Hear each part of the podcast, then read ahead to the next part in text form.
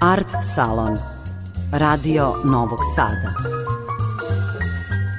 Umetničke ideje, mišljenja, kretanja i poetike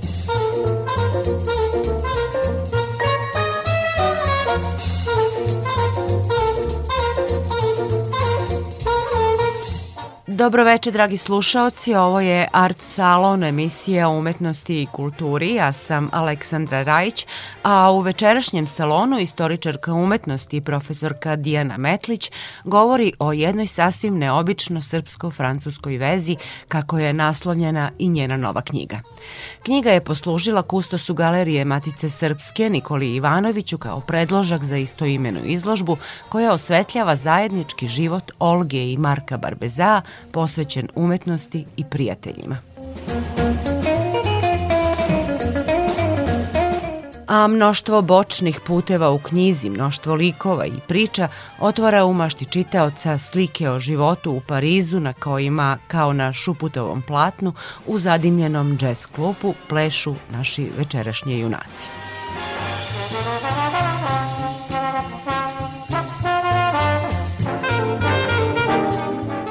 Vaša knjiga bavi se, ja bih rekla, graničnim područjem istorije umetnosti. Zapravo njeni protagonisti su bračni par Barbeza, Olga i Mark, ona je istoričarka umetnosti, on je izdavač, ali e, knjigom obuhvatate i ceo kulturni krug ljudi koji su učinili velika i francuska i srpska imena kulturnog života. Otkuda uopšte interesovanje za jednu, na prvi pogled, biografsku temu?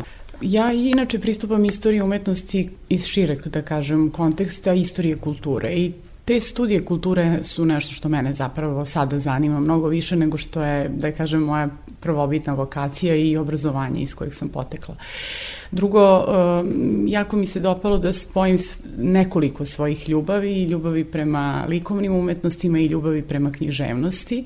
Francuskoj. Tak, jeste prema francuskoj književnosti i onda se tako u stvari ne nametno, nego jednostavno, znate, onaj zakon slučaja vas u stvari navede na neke uh, figure koje su živele i koje su predstavljale bitne okusnice kultura dve zemlje, na izgled ovako nenametljivo i u nekim fusnotama, a u stvari onda kada malo počnete da istražujete, shvatate da su to u stvari ljudi koji su okupljali oko sebe e, ta glavna imena kako jugoslovenske slikarske scene između dva rata i, i naravno posleratne francuske književnosti i priča počne sama da se plete. Tako da e, to jeste, kada vi kažete na izgled biografska knjiga, ona zapravo jeste biografska knjiga, e, s tim što sam ja krenula od izuzetno malog broja podataka. Bukvalno nisam imala ništa u rukama, osim same ideje da su Olga Kešeljević i Mara Beza bitni svedoci vremena 20. veka, dakle da su bili bitni protagonisti određenih uh, krugova, kako jugoslovenske, tako i francuske scene i želela sam zapravo kao nekakav istraživač, uh, kao neki detektiv da napravim tu priču, da je rekonstruišem ili ne čak ni da je rekonstruišem, nego da prvi put u stvari sastavim taj mozaik. To sam zapravo i htela da vas pitam koliko naša historiografija o umetnosti uopšte zna o, ovom paru, pre svega o Olgi Kešeljević, s obzirom na to da je ipak bila u neku ruku vaša uh, koleginica po struci, odnosno istoričarka umetnosti, zašto se o njoj ne zna i kako ste otkrili zapravo nju kao temu? Pa, e, vrlo malo se zna, evo moram da kažem, mi iz struke, iz istorije umetnosti, naravno, jedni e, o drugima ne pišemo. Mi pišemo zapravo umetnicima i na taj način mi dajemo zapravo legitimitet umetnicima sa jedne strane, promišljamo kritički ili u skladu sa nekim savremenim metodologijama, na novi način čitamo nekada već opuse koji su možda i istorizovani, dajemo neke nove interpretacije, ali u principu svi paralelno stalno radimo neke poslove ne razmišljajući o tome da u stvari na neki način treba da i jedni drugima posvetimo pažnju jer ima mnogo istoričara umetnosti koji zaista divno rade i sada već imaju ogromne bibliografije, a praktično su u službi drugih, odnosno u službi umetnika. Tako da sam pomislila da ne bi bilo loše da kroz prizmu priče o jednoj umetnici, Ljubici Cuci Sokić i prijateljstvu sa Olgom Kešeljević se malo dotakne dotaknem i tog aspekta. Međutim, ono što je in, intrigantno u ovoj priči je što je Olga Kešeljević zapravo bila istoričarka umetnosti koja, opet s druge strane, nije ostavila trag o istoriji umetnosti. Ona zapravo nije pisala. Zašto? E, zato što čini mi se kada je otišla u Pariz 35. 36. godine, to e, je vreme kada se jako mnogo u Parizu, da kažem, dešavalo raznih stvari u vezi sa filmom i u vezi sa teatrom. I ona je u jednom trenutku taj svoj, e, da kažem, poriv da postane doktor istorije umetnosti, e, stručnjak na skulpturama Edgara Dega, što je opet kuriozitet s obzirom da mi Edgara Dega pre svega znamo kao slikara, ona je to promenila i odlučila je da postane glumica. I onda je počela da ide u tadašnju školu čuvenog e, glumačkog impresarija Šarla Dilena i tako se u stvari cela njena putanja promenila. Ta putanja ju je vodila ka Marku Barbezau, a zatim zapravo ka potpuno nekim drugačijim kreativnim stvarima koje su zajedno radili. Istovremeno knjiga je svedočanstvo o Parizu jednog vremena koji je bio veoma povezan sa upravo našim scenom i ovih dana i ovih meseci smo zapravo svedoci o tome kako su i Sava i Lubarda i Zenitisti svi oni prolazili ne samo kroz Pariz nego upravo uh, kroz život i životne priče uh, Olge i Marka Barbeza. Jeste, to je jako dobra, da kažem, poenta. Meni je bilo važno da pokažem da je porodica Barbeza, ja uvek kažem Kešeljević Barbeza, znate, nekako kao recimo Adela Bloch-Bauer, eh, koja je bila velika muza Klimta, tu imate to dvojno prezime, jer u jednom trenutku eh, muž Adele Bloch-Bauer odlučio da se ta dva prezimena spoje i onda da to bude jedan onako, tr, da kažem, trust, jedan koncern. E, tako da u stvari eh, meni se činilo da je, da je važno da progovorim govorim o tome šta su u stvari Barbezao i uradili za naše umetnike i za francuske umetnike i stvaraoce i da isprepletam te dve istorije, e, da ne mislimo stalno u terminima e, Sava Šumanović, Marko Čelebonović, Petar Lubarda, Ljubica Cuca Sokić i da osvetljavamo njihove puteve, jer su se naravno ti putevi ukrštali sa brojnim pojedincima. Ja ovde recimo pominjem jednog fotografa Dušana Stanimirovića koji je kod nas vrlo malo poznat, a on je na primer čitav život proveo u Parizu i bio je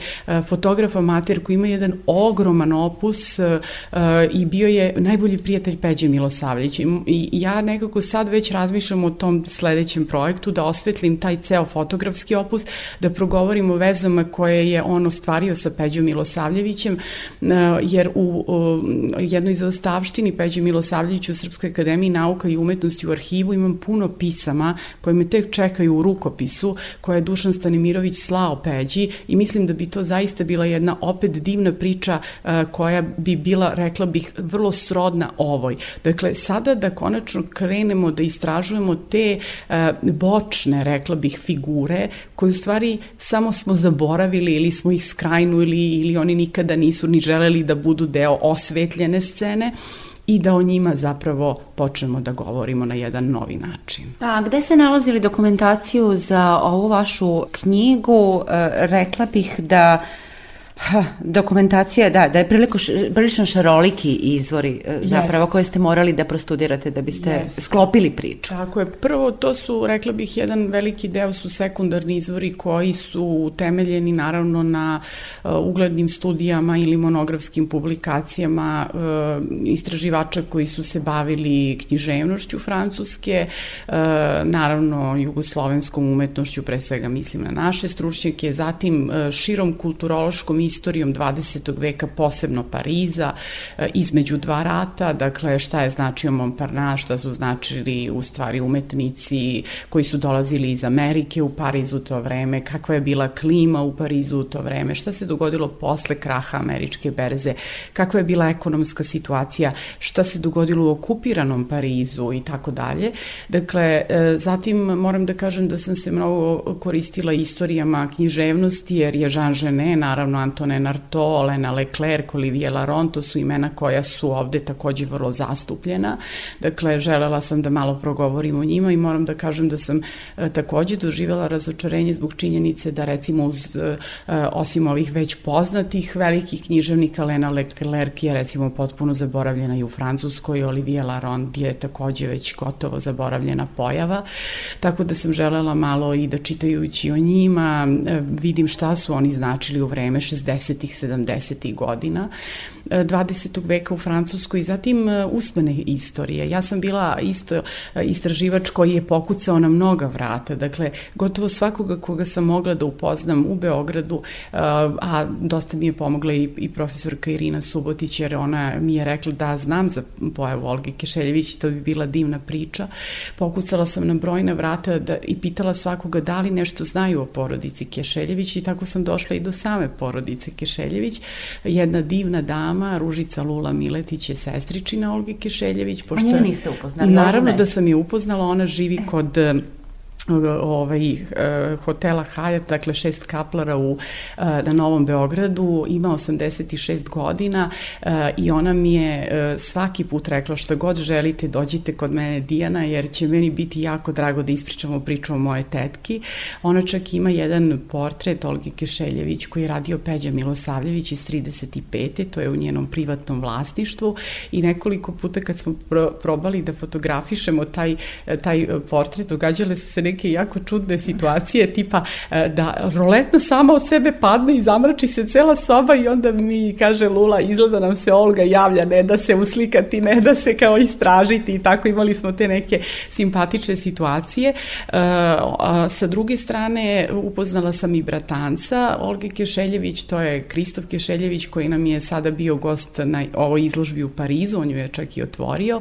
On je rođen u Parizu, oženjen je francuskinjom, inače je doktor, doktorirao je kao saobraćajni inženjer i interesantno je, na primjer, da je Olga Kešeljević njega odredila kao kompletnog naslednika svega što je ikada zapravo uradila sa Markom Barbezaom i svega što su oni stvorili kao jednu zajedničku zbirku. Jedan od kvaliteta ove knjige jeste i to što nam pokazuje koliko je ta Olga Kešeljević, koju evo ne znamo, imamo prilike sad da upoznamo, bila inspirativna. Ona je zapravo motiv, odnosno lik na slikama naših najznačajnijih slikara. Ina Tabaković, pomenuli ste Čelebonovića, tu je Bora Baruh, pa Suca Sokić naravno kao prijateljica, e, Šuput. Bogdan Šuput, da, tako je. Da, je, je zapravo fascinantno. Jeste fascinantno i mene je u stvari to takođe fasciniralo, da sam od jednom počela da pronalazim slike e, koje, na kojima se ona nalazi kao glavni lik i ne samo kao glavni lik u nekoj skupini ljudi, naprotiv, to su individualni portreti Olge Kešeljević. I pomislila sam ova dama je sigurno e, morala značiti mnogo ovim ljudima, da li je ona bila njihova moralna podrška, da li im je bila prijateljica, da li im je bila intrigantna zbog njene neke ličnosti, e, da kažem možda lepote, možda nekakvog, nekakvog duha koji isjavala, možda čak i neke crnogorske stamenosti, e, jačine karaktera, to su sad zaista neke, e, da kažem, stvari koje nikada nećemo moći do kraja da dokučimo, jer prosto nemamo dovoljno informacija više od živih e, ljudi, jer ne, nema, taj se krug polako zatvara. Meni je dosta pomogla u rekonstrukciji ove priče i porodica Gatalović, naročito unuk Cuce Sokić, Miša Gatalović, koji je doktor istorijskih nauka i koji je zaista sa mnom počeo maltene da traži po zaostavštini Cuce Sokić sve crteže, sve što bi upućivalo na postojanje e, vizuelnih tragova o Olgi Kešeljević. Onda sam došla do dnevnika Cuce Sokić u kome se odjednom ime Olga toliko često pojavljuje da sam a, shvatila zapravo da je to u stvari Olga Kešeljević. I onda smo e, zaista u jednom trenutku Miša i ja počeli da, da, da razgovaramo o tome e, šta je njemu recimo Olga Kešeljević prilikom njegove posete, možda poslednje posete Olgi Kešeljević u Parizu početkom 2000. godina govorila. On je rekao ja sa teško mogu već i da se setim svega toga, kuda su oni putovali, šta su radili, ali ja ću probati da protražim i neko, neka pisma, razglednice. Pa sam se onda ja setila da kada sam radila veliku retrospektivu e, slikarstva Nedeljka Gvozdenović u Srpskoj Srpskoj akademiji, da sam tamo zapravo, opet istražujući arhiv u galeriji Srpske akademije, naišla na jednu posebnu fasciklu na kojoj piše Olga Kešeljević Vrbeza. I onda sam otišla ponovo u arhiv i tamo sam našla desetak razglednica koje su sad ovde izložene i jedno pismo i shvatila sam da je zapravo i Nedeljko Gvozdenović bio u kontaktu sa porodicom Barbeza. Naravno na njegov vrlo uzdržan, delikatan način, on je sa svima bio na vi, ali znate te razglednice su opet svedočanstvo da je e, porodica Barbeza jako uvažavala e, Gvozdenovića pre svega kao slikara, zato što mu oni stalno govore, posetili smo ovu galeriju, videli smo ovu izložbu, baš bismo volili da komentarišemo sa vama El Greka, Koroa, Velaskeza. Dakle, očigledno je ta ljubav prema umetnosti kod njih bila jako, jako velika i oni su voleli da razmišljanja o umetnosti dele sa srpskim umetnicima sa kojima su ostali u kontaktu. Pomenuli ste da je bratancu ostao legat e, i rekli ste da je ovo jedna, u knjizi, da je ovo jedna od najznačajnijih e, kolekcija srpske likovne umetnosti e, van granice Srbije, a nije reč samo o slikarstvu, nego je reč i o knjigama, o bibliofilskim izdanjima, o originalima rukopisa, zapravo šta se desilo s tom kolekcijom i, i kako to da nismo mogli više od nje da evo zadržimo i u Srbiji? Pa znate šta, ja nisam sklona e, da krivim bilo koga, osim recimo prvo sebe. Zamislite sad, ja razmišljam o tome da sam počela 2017. godine, uopšte da dolazim do imena Olge Kešeljevića, ona je umrla 2015. I onda pomislim, kako nisi ranije to videla? Mogla si upoznati samu Olgu, naravno u, ne, u vrlo ozbiljnim godinama, ona je imala 102 godine kada je preminula, ali znate, razmišljam o tome, moglo je možda ranije da se vidi, da se reaguje i onda zapravo da se skrene pažnja, ali nažalost takvo je vreme, takve su neke putanje, mi jednostavno ne možemo, da kažem, dovoljno možda nekad brzo da odreagujemo, ali apropo same zbirke, zbirka je data na aukciju dva puta. Prvi put je to bilo 97. godine, moram da kažem da je tada Mark Barbeza uh, imao dosta velikih uh, finansijskih problema, to su mi rekli njegovi naslednici, kako gospođa Miletić, tako i Kristof Kiršeljević, sa samom farmaceutskom kompanijom koju je vodio. Dakle, ta kompanija je već dosta loše stajala. Zašto? Jer je ona zapravo bila mala kompanija. Znate, ugušili su je ogromni industrijski koncerni, ala L'Oreal, Revlon i tako dalje. Barbeza, Žifre Barbeza više nije mogao da vodi bitku sa tako velikom produkcijom kozmetičkih preparata, farmaceutskih proizvoda i tako dalje. Tako da e, je e, Mark koji je bolao od Parkinsonove bolesti želeo da predupreti neprijatnu situaciju koju bi mogao ostaviti Olgu, dakle da je ne daj Bože ostavi u dugovima. Tako da je on odlučio da te dugove reši na sledeći način. Jedan deo tih svih bibliofilskih sjajnih izdanja u kojima su se nalazile posvete Cocteau, Sartra, Simone de Beauvoir, zatim slikarstvo Maxa Ernsta, e, ilustracije Giacomettija, dakle to su zaista jako vredne knjige. On je dao na aukciju i delimično, dakle te knjige su otišle u arhiv u Lionu, a delimično su otišle naravno u privatne kolekcije i privatne ruke. Kada ode u privatne ruke, to je najteže, tome je najteže ući u trag. Dugo, privatnici nisu uvek ni spremni da vam otkrivaju koje vrednosti imaju i vi morate to poštovati. Uh, on je takođe Žifre Barbeza prodao to jednom belgijskom koncernu Kalifaru i e, danas kad odete na sajt ove belgijske kompanije imate zapravo i dalje u, u jedan link, jednu vezu koja vodi na malu priču o kompaniji Žifre Barbeza, čak vidite i to malo grifona koga je, e, da, da kažem, kreirala ili dizajnirala Ljubica Suca Sokić, tako da ta priča ostaje deo današnje, da kažem, farmaceutske industrije jednog velikog belgijskog koncerna, ali nije zaboravljen. Taj, da kažem, brend koji je vodio Mark Barbeza nije zaboravljen, što je takođe važno. Govorimo o svesti zapravo da ništa ne treba izbrisati, odnosno ukazivati na jedan kontinuitet trajanja. A što se tiče samih prava na objavljivanje e, Barbezaovih knjiga, pošto je on vodio čuvenu e, izdavačku kuću Larbalet koja je bila osnovana 1948. E, godine, dakle neposredno posle drugog svetskog svetskog rata i izrasla je iz jedne njegove književne revije koju je on pokrenuo u toku drugog svetskog rata, ali on u stvari shvatio da više ne želi da se bavi uređivanjem e, jednog književnog časopisa, nego da želi da postane i izdavač književnih dela, pre svega Žana Ženea i da mu na neki način pomogne. On je sva prava ustupio Galimaru. Čuveni, naravno, francuski izdavač Galimar danas čuva sećanje na Barbezaovu kuću Larbaret, tako što kada reizdaje, ta izdanja uvek naravno stavlja da je prvo izdanje Larbalet. Tako a, da se, a od kolekcije slika, da, što šta je tiče, ostalo? Što se tiče kolekcije, moram da vam kažem da sam ja vrlo otvoreno pitala Kristofa Kešeljevića zbog čega ništa od toga nije zadržao. To su neke birokratske stvari sa kojima ja nisam upoznata, ali rekao je da je porez na poklon u Francuskoj toliko ogroman da bi on maltene bankrotirao, ne, ne da bi bankrotirao, nego da ne bi ni mogao da plati taj porez na poklon. Tako da je on zapravo odlučio 2016. godine da da celu tu zbirku na aukciju. On je to dao nekoj uglednoj francuskoj kući i ta kuća aukcijska se bavi vrlo ozbiljno prodajom slika. Naš e, kolekcionar, odnosno vlasnik e, kolekcionarske kuće i aukcijske kuće Arte je prisustvovao toj a, aukciji i to je gospodin Ivan Mitić i on mi je skrenuo pažnju šta je tom prilikom kupio, ali mi je takođe rekao da je već na decembarskoj njegovoj aukciji 2016. to dalje otišlo na prodaju. Naravno, on je bio vrlo diskretan i nije hteo dalje da me upućuje na to ko je kupio Tabakovića, ko Boru Baruha, ko Petra Lubardu i tako dalje. Ja znam ko je kupio Petra Lubardu i Bestu Fantastiku, koja je bila najizuzetniji, da kažem, primerak e, srpskog jugoslovenskog slikarstva u Barbezaovoj kolekciji. E, sama Besta Fantastika ili Fantastičan zver je izazvala ogromnu pažnju 52. godine na velikom bijenalu u Sao Paulu, kada je Petar Lubarda mal maltene triumfovao tamo kao jedno ogromno novo ime moderne umetnosti 20. veka. Preko 20 dela je tada prodato u Sao Paulu i e, jako dugo ta slika je bila tamo.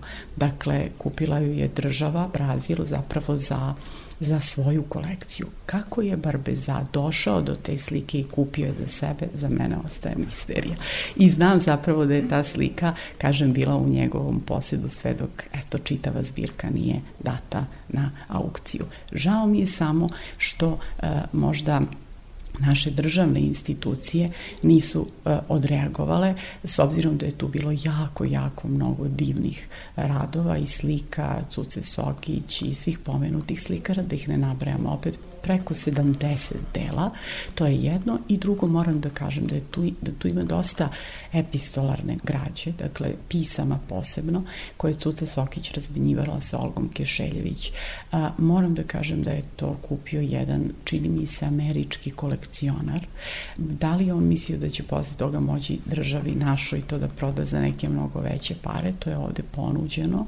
Ja sad neću govoriti ni kome, ni kako, ni koji je iznos u pitanju, ali Srbija prosto nije našla za shodno da te pare izdvoji i ta pisma vrati nama. Upravo je, da, ta privatna priča, ona što privlači pažnju u ovoj knjizi, ovaj, to naše kulturalno sećanje uglavnom se konstruiše iz tih nekih glavnih tokova, je li tako? Ova e, privatna istorija, privatna priča je, mislim, jedan novi e, trend u istoriji umetnosti, Međutim, i ona je na neki način deo javnog prostora i objašnjava ne samo francusko-srpske veze. Ja bih tu pomenula, recimo, podsjećaj na nešto jugoslovensko nasledđe, pa onda jedna fina emancipatorska dimenzija, jel da žena u nekim predratnim, odnosno ranim posleratnim godinama, e, priča ženi koja je bila dovoljno inspirativna za umetnike. Zapravo, kakav je konceptualni kapacitet i ove izložbe u Galeriji Matice Srpske napravljene povodom ove knjige i ove vaše knjige? Ja sam iskreno kao istraživač pre svega krenula od onoga što se zove pisanje, naravno studije i uvek e, govorim, iako ne umanjujem nikako značaj, izložba efemernog karaktera, to vam je jasno, ona će sada biti ovde dva meseca i ja zaista želim da ona privuče što veću pažnju. Mislim da je kustos Nikola Ivanović, moram naravno da ga pomenem, koji je zapravo napravio koncept ove izložbe, izvukao maksimum materijala, ne samo iz ove knjige, nego materijala vizualnog koji nam je bio dostupan. Dakle, e, Radove Cuce Sokić, slike, videli ste crteže, Bogdan Šuput, Peđa Milosavljević, zatim uzeli smo deo knjiga iz e, književnog fonda Ljubice Cuce Sokić, koji je Miša Gatalović predao, odnosno poklonio Narodnoj biblioteci Srbije. Dakle, govorimo o vrlo vrednim izdanjima Larbaleta i naravno Đakometijevim grafikama koje su sada prvi put ovde u Novom Sadu izložene za knjigu Uspavana jabuka Lene Leclerc. E, to su vrlo posebni radovi Đakometija. E, znate, u Francuskoj imate jako puno Đakometija, naravno njegovih skulptura, slika, on je radio portrete, ja govorim čak slikovito o tome kako je on slikao Žana Ženea, toliko da je Žan Žene skoro poludeo sedeći u jednom položaju na vrlo neudobnoj stolici, ali e, ilustracije su redke i one su zapravo vrlo specifičan deo izraza likovnih umetnika. Dakle, kako oni vide neko književno delo, da li oni zapravo pokušavaju da svojim ilustracijama pomognu u tumačenju tog dela ili zapravo mi ilustraciju posmatramo kao potpuno nezavistan segment, kao neku vrstu parateksta. Razmišljamo čitajući poeziju Lene Leclerc koja nažalost nije prevedena ovde, e, dakle, da je vrlo hermetična, vrlo ezoterična. E, to su neki stihovi koje vi čak možete čitati u nekom nadrealnom ključu. Ima tu mnogo unutrašnjih meditacija o ženi, o načinu na koji se ona snalazi u svetu, o ljubavi, o ljubavnim krizama, a zatim odmah se prelazi na nešto što je recimo nekakav revolucionarni duh 20. veka, mnogih, mnogobrojnih prevrata, a onda kad gledate Đakometijeve grafike, sve vam deluju vrlo nežno, vrlo intimno, dakle sad to su te vrlo, da kažem, složene, pipave granice kretanja između jednog medijuma i drugog i kako ćete ih interpretirati Zatim smatram da je jako važan segment ove izložbe to što upućujemo na jednu vrlo bitnu komponentu rada Ljubice Cuce Sokić kao ilustratorke, E, iako mi znamo da je ona radila jako puno ilustracije za dečije knjige, za časopise, sada prvi put Cuca Sokić, koju mi često doživljavamo kao izrazito strogu, zakopčanu, ona se sad pojavljuje kao neko koga zanima moda. Dizajnerka. Dizajnerka, tako je, videli ste one njene male, vrlo nežne tempere na minijaturnim zapravo papirima, gde ona promišlja odnos između figuracije i abstrakcije, ali kroz modu. Uvodi vrlo neobičnu, jaku paletu. Ona je bila poznata po izjavi u mom slikarstvu čim neka boja vrišti ja dodajem crnu da je utišam. Ovde je potpuno sve drugačije, videli ste i sami tu sobu. Tako da e, je u stvari ta saradnja sa kompanijom Žifre Barbeza ovde osvetljena po prvi put i vidi se kako je Ljubica Cuca Sokić u stvari pomagala njima u plasiranju tih proizvoda nekim svojim rešenjima, dakle kako treba da izgleda dama koja, ne znam, reklamira boju za kosu ili neku kremu za depilaciju ili kremu za ruke, pomadu za lice. Dakle, jedan jako neobičan, rekla bih, koncept izložbe u kojem imate jedan hibridni karakter, u stvari najrazličitijih formi ili medijuma jel, izražavanja i mislim da baš zbog toga ta izložba može da bude vrlo interesantna jer će svaki posetilac naći neki svoj prostor ili neki segment za koji će se vezati i koji će mu na ovoj izložbi postati drag. Takođe je lepo što se Nikola e, Ivanović e, potrudio da u ovom poslednjem delu, ja to zovem ta neka najintimnija soba, napravi jedan veliki fototapet sa segmentima, odnosno listovima iz dnevnika Ljubice Cuce Sokić i već na otvaranju e, jedan posetilac mi je sa svojom čerkom prišao i pitao gde bismo mi mogli da kupimo ovaj dnevnik, da čitamo ove zapise, toliko je interesantno. Ja sam mu rekla da je za sada dnevnik samo dostupan istraživačima, on se čuva u arhivu Srpske akademije nauka i umetnosti. E, eto, može to da bude izdavački poduhvat, ali sa druge strane, znate, e, morate da budete svesni i toga da mi istraživači gledamo da čuvamo određene tajne koje su ispisane u dnevnicima, da budemo jako pažljivi prema tome kako gradimo sliku jednog umetnika, da čitamo između redova, ali i da kada čitamo redove koji su ispisani, vodimo računa da je ipak to dnevnik. Tako da, eto, to je, mislim, jedan jako lep e, sklop. Ova izložba nudi ono što je meni najbliže, to je intimni pogled na ljude i na vreme u kome su živeli. Odgovara to pre svega mom karakteru, ta izložba, tako da mislim da je Galerija Matice Srpski sada izašla sa jednom zaista neobičnom pričom, neobičnom postavkom koja će sigurno privući veliku i širu publiku.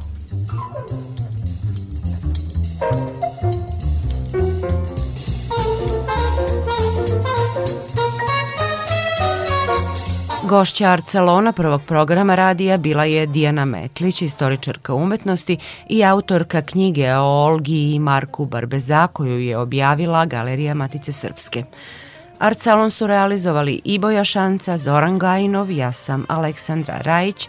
Želim vam prijatno i mirno veče, pozdravljam vas do sledećeg utorka i nove emisije.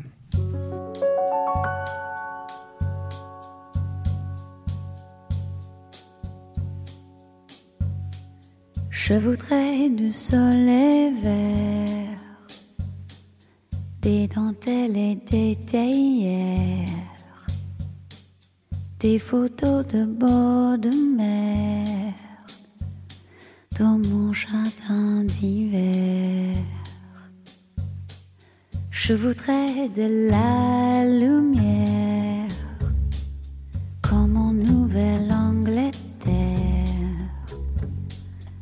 je veux changer d'atmosphère